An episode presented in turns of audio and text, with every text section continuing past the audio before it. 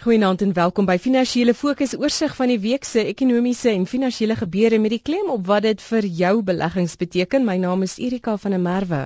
Die Europese sentrale bankhoof Mario Draghi is vol vertroue dat sy grootskaalse stimuleringsstappe vrugte begin afwerp, hoewel die graderingsagentskap Fitch krities is dat die ESB die euro nie meer ondersteuning bied nie. Italiaanse en Spaanse staatsskuldveilings hierdie week verloop verrassend goed nuus wat onderskraging bied na Duitsland aankondig dat sy ekonomie waarskynlik in die 4de kwartaal van 2011 gekrimp het. Exxaro het planne om ystererts mynboubedrywighede van sy eie te koop. Massmart se verkope in die tweede helfte van 2011 verbeter met meer as verwag, verbeter met 15% en MTN kom onder druk oor sy blootstelling aan Iran en Nigerië. Ek gesels met Rian Leroux, hy's Omixa se hoofekonoom en Steve Minnar, fondsbestuurder by Abax Investments. Goeienaand aan julle. Hallo. Nou, Derrick. Rian, soos gebruiklik begin ons by Europa. Die Europese sentrale bank het sy beleidskoers onveranderd gelaat met hulle beleidsvergadering in die week, dit op 1%. Die bank verwys na tekens van stabilisering in Europa na die amper 700 miljard dollar se likwiditeit wat hy aan Europese banke verleen het. Maar met die omvang van die probleem in Europa, is dit egter seker te gou om gerus te raak. Ek ja, ek dink dit is te gou om gerus te raak, maar daar's duidelik tekens dat die vrese oor die euro-area skuldkrisis besig is om 'n bietjie te bedaar. Ehm um, soos jy gesê het, jy weet jy kan dit duidelik sien in die daling in die 10-jaar rentekoerse van ehm um, Italië en Spanje die afgelope week. En natuurlik die redes vir hierdie uh, effense bedaling van die van die vrese is natuurlik die regeringsverandering wat jy in Griekeland en Italië gehad het en jy weet 'n groter verbintenis van die lande om hulle fiskale situasie onder beheer te kry. Die aksies van die Europese sentrale bank, die rentekoersverlagings, die die aankope van um, staatseffekte in die sekondêre mark, die verskaffing van likwiditeit, al hierdie goed het, het gehelp om hierdie krisis 'n bietjie vir die oomblik op die agtergrond laat skuif, maar soos jy gesê het, die risiko's het nie weggegaan nie. Ehm um, jy weet as mense nog gaan kyk oor die volgende aantal maande, volgende 6 maande wat met Italië en Spanje alleen oor die 300 miljard euros se staatseffekte uitgee en die eerste uitgee daarvan het redelik goed verloop, maar jy weet dis nog 'n lang pad om te gaan en dis baie moontlik dat hierdie hele ding enige tyd weer in 'n krisis kan ontaard. Mens moet 'n gedagte hou dat een van die goed wat moet gebeur is dat jy nader moet beweeg aan fiskale unie in die in die eurosone en dit gaan maar 'n pynlike en 'n moeilike proses wees. So ek dink ehm um, hoewel dinge vir die vir die oomblik 'n bietjie kalmeer het, dink ek daar's nog steeds risiko's uh, oor die volgende klompie maande. Steve, as mens terugkyk, sien dit die finansiële krisis van 2008 toe ekonomiese groei wêreldwyd in 'n resessie in beweeg het en die die herstel wat ons hierdien gesien het. Mens kan redeneer dat omtrent alle herstel wat ons gesien het, byvoorbeeld in Amerika en Europa kunsmatig was wat teweeggebring is deur beleidsaksie. Ja, sien dis hier, dis die bekommernis wat mense het is hoeveel van wat ons vandag sien is nou net die resultaat van sy sekunsmatige stimulering van die ekonomie en hoeveel is van daadwerklike onderliggende ekonomiese groei of of verandering in die ekonomie. Dit sal tyd maar leer. Jy weet ek, ek dink nie ons moet wenig fout met stimulasie nie. Dit is dis baie keer is dit 'n bietjie van 'n katalisator wat net dinge aan die gang moet kry. Jy weet eh, ek dink 'n groot gedeelte van die krisis wat ons gesien het en van die het slegte nuus was tot 'n mate wat mense so bang was soveel vrese gehad het dat hulle net opgehou het of mekaar geld te leen. Dis nou tussen banke tot banke, banke tot regerings ensovoorts. En dit is ook eintlik weer kunsmatig is, is niemand vir mekaar geld leen en skielik alle likwiditeit opdroog wat dinge eintlik baie erger as lyk. So so dit is nou maar 'n 'n ding wat begin weet 'n sweepslag um, effek begin kry het en en die ding moet nou maar stabiliseer oor tyd. Jy weet dit mense sien wat is die werklike omvang van wat in die ekonomie in die, aan die gang is. Dit gesê, ek dink daar is nog uh, heelwat strukturele probleme in die Europese Unie uh, met veral van daai van van die lande wat ons nou tipies van praat, jy Spanje, Italië, Portugal en so voort. En ek dink dit gaan 'n hele tydjie vat om daai probleme op te los. Hulle het net eenvoudig te veel skuld. Hulle het te veel spandeer en dan kry jy terug na weet lande se individuele kulture van belasting betaal of nie betaal nie en so voort. En en daai daai is die tipe ding wat wat baie jare vat om op te los. Ehm um, ons sê nou hierdie week weer dat die gevoel die Spaanse veiling van hulle effekte relatief goed gegaan, maar is eintlik interessant om net te vergelyk. Hulle het nou vir 3 jaar effekte betaal hulle meer as 'n persent meer rentekoers as wat 'n maatskappy soos SAB Miller byvoorbeeld vir hulle 3 jaar lenings betaal. Hulle het hierdie hulle het ook hierdie week ehm um, effekte uitgereik. So dis dis dis geweldig interessant dat jy skielik 'n groot internasionale biermaatskappy het wat meer as persent minder betaal as die Spaanse regering vir 3 jaar skuld goeie perspektief daar. Nou Reen, intussen terwyl ons wag vir hierdie stabilisering, gaan ekonomiese groei ingedrang kom. Europa veral, dit lyk vir my die konsensussiening is, uh, soos julle nou gesê het dat daar resessie gaan wees in Europa. Uh, die Duitse owerhede waarsku dat hierdie Europa se grootste ekonomie in die 4de kwartaal waarskynlik met 'n kwart persent gekrimp het. Erika, ja, ek dink as mens terugkyk nou so 6 maande gelede, hier so in die middel van verlede jaar, toe daar duidelike tekens was dat die wêreldekonomie besig is om stoom te verloor, was daar groot vrese op daai stadium en ook hier na die einde van die jaar se kant toe dat die hele wêreldekonomie weer in resessie kan kan verval. Nou, wat ons nog gekry die afgelope tyd is duidelike tekens dat Europa waarskynlik reeds in 'n resessie is. Maar wat jy teenoor dit gekry het is dat ehm um, die Amerikaanse ekonomie deel wat beter begin doen. Dit wil op die oomblik lyk asof groei die Amerikaanse ekonomie in die 4de kwartaal van verlede jaar ehm um, omtrent 3.5% kon beloop het. Dit is heelwat beter as wat mense in die middel van verlede jaar verwag het vir die vir die 4de kwartaal.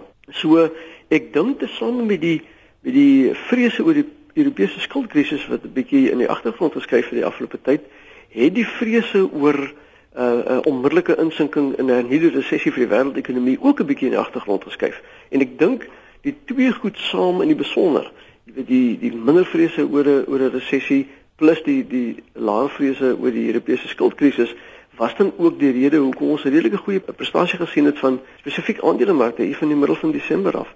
So hoewel dinge op die oomblik beter lyk, ehm um, jy weet, is daar nog steeds risiko's as jy mens vorentoe kyk en die, en die risiko's natuurlik is die hele Europese krisis en die groot vraag daar is hoe erg gaan dit wees, hoe wyd gaan dit strek en hoe lank gaan dit duur? Ehm um, en dis die onsekerheid wat die wêreld mee sit op die oomblik. Ek moet natuurlik net by sê dat mense moet 'n gedagte hou dat 'n Europese resessie nie noodwendig beteken die hele wêreld verval in 'n resessie nie. As jy teruggaan na die vroeë 90er jare toe, was Europa in 'n resessie gewees en die wêreldekonomie het eintlik heel fliks gegroei. So dis nie noodwendig dat die Europese resessie die hele wêreld in resessie sal intrek nie. Ek dink dat die wêreldekonomie gaan vir jaar nie wonderlik doen nie, maar ek dink ons gaan nog steeds positiewe groei kry en ek dink dat 'n uh, eh, resessie in Europa noodwendig 'n langtermyn ding gaan wees nie. Boot 'n redelike kortere resessie te wees as gevolg van al die beleidsstimules spesifiek van die Europese sentrale bank wat in plek is. So ek is nie onnodiglik swartgallig oor die vooruitsigte vir die wêreldekonomie nie. So Steve Susrian dan uitwys, uh heelwat aanduidings van herstel in die Amerikaanse ekonomie, hoewel ons moet tog verwys na die aanwysers in die week vir Amerika wat minder belovend was. Ook die Chinese inflasie wat gedaal het na 4.1% in Desember, dit lyk dus asof daar oorgenoeg ruimte is in China vir verdere beleidsondersteuning vir groei. Ja, weet jy sê dis een week is die syfers op, een week is die syfers af. Weet laat laas jaar was almal hele positief geweest oor byvoorbeeld uh, kersverkope as 'n barometer vir hoe sterk die Amerikaanse uh um verbruiker is. En nou as jy die syfers begin uitkom na Kersfees, lyk dit nie asof hulle so wonderlike seisoen gehad het nie. Dit lyk asof verkope maar iets soos 0.1% hoër is as 'n jaar gelede. En as jy hier en daar 'n paar aanpassings maak, dan kan dit dalk effens afwaarts ook ook gewees het. En ons het net in die week nou opgesien Tesco, die groot uh voedsel handelaar in in in Engeland het die teen donderdag met iets so 16% van sy markandeel in een dag verloor nadat hulle gesê het uh, hulle verkope oor Kersfees is eintlik afgewees met so 2% in die Verenigde Koninkryk en hulle groei vir 2013 gaan net eenvoudig nie daar wees nie. Dit was 'n groot skok vir die stelsels. Dit so dat jy kry daai idee van die verbruikerpryse wat af is, aan die ander kant kry jy die Amerikaanse huisverkope wat skielik 'n bietjie begin beter staan. Ehm um, huisverkope is beter saam met dit is daar weer skielik die uh, houerskepe 7% beter ehm um, vragsyfers wat uitgekom het. So dis dis moeilik om te sien presies wat die tendens is. Uh maar dis nie dis nie duidelik baie positief of duidelik baie negatief nie. En ek aan die Chinese kant, ehm um, jy is heeltemal reg. Ek dink daar is meer kans vir vir 'n bietjie meer stimulie. Ehm um, daar word natuurlik baie sterk sentraal beheer. So mense wil uh, graag wil sien wat hulle gaan doen, maar ek dink hulle het heelwat skiet goed nog om die ekonomie te stimuleer in indien dit nodig is. Rian, wat beteken dit vir ons en miskien as ek jou kan eh, spesifiek vra oor die Suid-Afrikaanse verbruiker, 'n paar verbruiksmaatskappye het uh, syfers gelewer in die week. Ek gaan Steve daaroor vra. Maar tot dusver is dit die verbruiker wat ons ekonomie gedra het. Ja, dis reg, Erika, as mens terug gaan so 'n jaar gelede, uh, was die algemene siening geweest dat die verbruiker onder groot druk gaan kom. Uh, as gevolg van die werksverliese gedurende die resessie, sowel as dit skerp stygende pryse van sekere goed veral dan elektrisiteit, uh, petrol, munisipale dienste en so aan.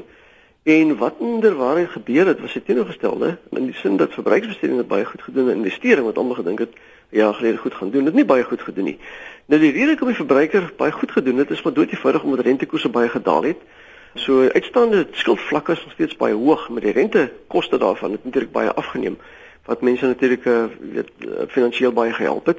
En natuurlik die afgelope jaar was jou loonsalarisverhogings oor die algemeen baie hoog geweest, uh, ver bo die inflasiekoers en veral natuurlik ook in die openbare sektor. En dit natuurlik het veroorsaak dat jy oor die afgelope 2 jaar reële groei in verbruiksbesteding van omtrent 4.5% per jaar gekry het wat ver hoër was as enigiemand 2 jaar gelede gedink het.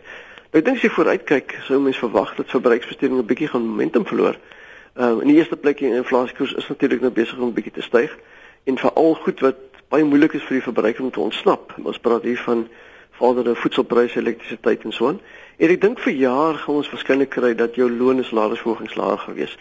Die staat het reeds aangedui dat hulle mik vir 'n omgewing van 5%. Ek dink hulle gaan daarmee wegkom nie. Maar eh, wat dit wel baie duidelik vir jou aandui is dat verhogings in die openbare sektor vir jaar heelwat laer gewees het. En dit is gewoonlik maar 'n 'n barometer vir die private sektor. So ek dink vir die algemeen gaan reële inkomste van huishoudings vir jaar stadig gestyg. Maar dit beteken nie dat verbruiksversteuring op die punt is om noodwendig weer in 'n resessie te verval nie. Inteendeel, ehm um, weet verbruikers het nog nie regtig begin leen nie. En ek dink dat ehm um, as mens kyk oor die die loop van van verjaar verwag ek dat verbruiksversteuring verder gaan toeneem hoewel nie in die tempo van die 4.5% wat mm. ons die afgelope 2 uh, jaar gesien het. Ek dink dit sal baie nader wees aan aan 3%. Ja. Nog steeds dis nog steeds redelike groei as jy inflasiekoers van 5-6% daarby bysit, jy weet dan beteken dit dat nominale omsette vir jou kleinhandelaars um, nog steeds nie sleg gaan lyk nie. Dis die dis die milieu waarin die kleinhandelaars uh, op die aandelebeurs in Suid-Afrika werk. Baie van hulle weet ons lyk al redelik duur. Daar's ook heelwat strukturele veranderinge veral met uh, Walmart wat die mark betree. Massmart nou het 'n handelsverklaring gelewer vir die tweede helfte van vanjaar 15% groei in verkope, maar ek sien 'n gemengde reaksie deur ontlede leerders hierop? Ja, ek weet soos Rianne reg sê, jy weet jou breë middelklas verbruiker is weet Mr Price en Massmart wat hierdie week hulle handelsverklaringe uh, uitgesit het, dit is absoluut die mark waarin hulle speel en besondere goeie syfers, jy weet met 6% te groei in hierdie mark. Ek dink is 'n is 'n besondere goeie prestasie, jy weet ons altyd groot spelers is nie asof hulle baie maklik geweldige markandeel maklik vir iemand anders kan neem nie alhoewel dit lyk asof dit wel die geval ook is. Dit is nie net inflasie wat hulle gehelp het nie, hulle het eintlik in hulle eie manier in hulle eie winkels definitief meer volume gekry en uh, en daar baie goeie uh, groei getoon. So so nie 'n besondere goeie syfers van al twee daai groepe. Miskien om net bietjie meer ehm um, direkte syfers, soos Adriano gepraat van die staatsiens wat geweet vir al soveel meer betaal het.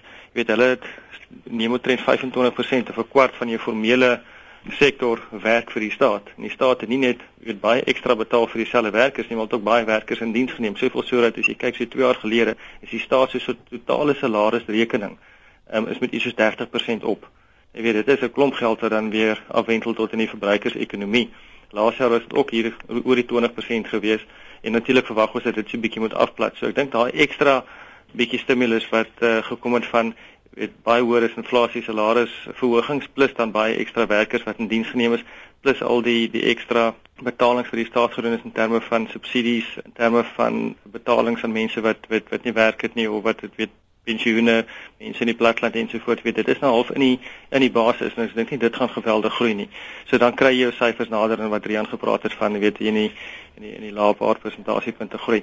Hierdie is twee baie goeie handelaars Mr Price en en Massmart so uh, jy weet uh, ek dink operasioneel weet hulle om besig goed te bestuur. Ek dink hulle produk en hoe hulle die mark benader is is is absoluut reg vir wat Suid-Afrika nodig het en dis hoekom hulle so goed doen as mense nou praat oor die pryse is natuurlik 'n ander storie. Die aandelepryse met Massmart is lyk geweldig duur. Jy weet as mense kyk selfs internasionaal is dit iets soos jou derde tweede derde duurste op 'n prysverdienste houding um, van al die klein handelaars. So daar's definitief geweldige hoë groei verwagtinge ingeprys in die Massmart prys Rian MTN se pryse kom onder druk as gevolg van sy blootstelling aan Nigerië met die aankondiging dat hy sy brandstofsubsidie gaan sny en Iran ook met die politieke krisis ten opsigte van Amerika.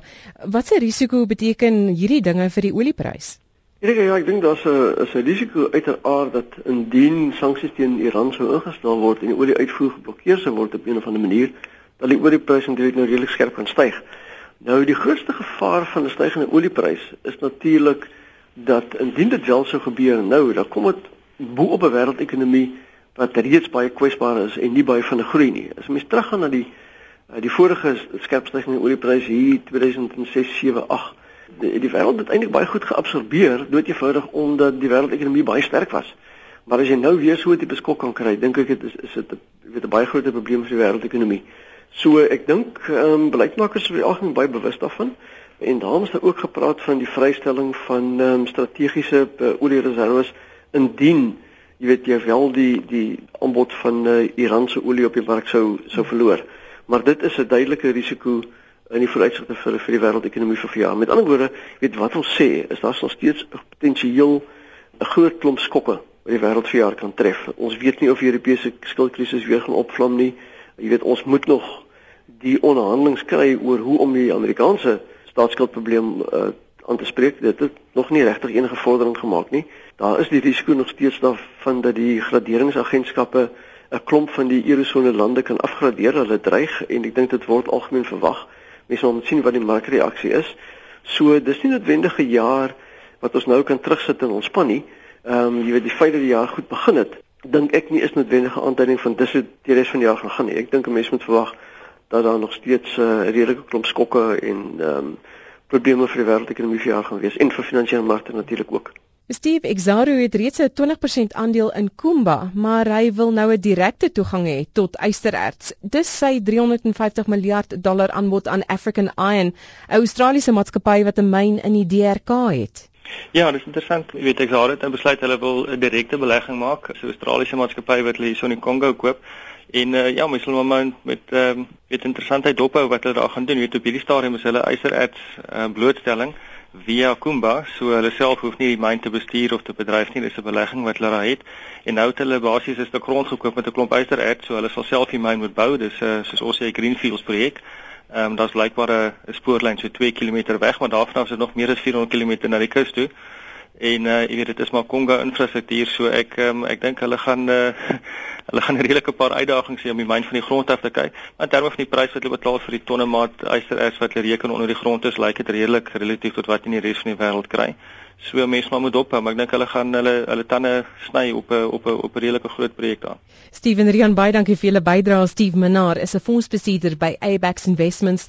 Rian Leroux is Umixa se hoof-ekonoom. My naam is Erika van der Merwe. Baie dankie vir die saamkuier. Ons is volgende Sondag aan 20 voor 9 weer hierso. Geseënde week vorentoe. Totsiens.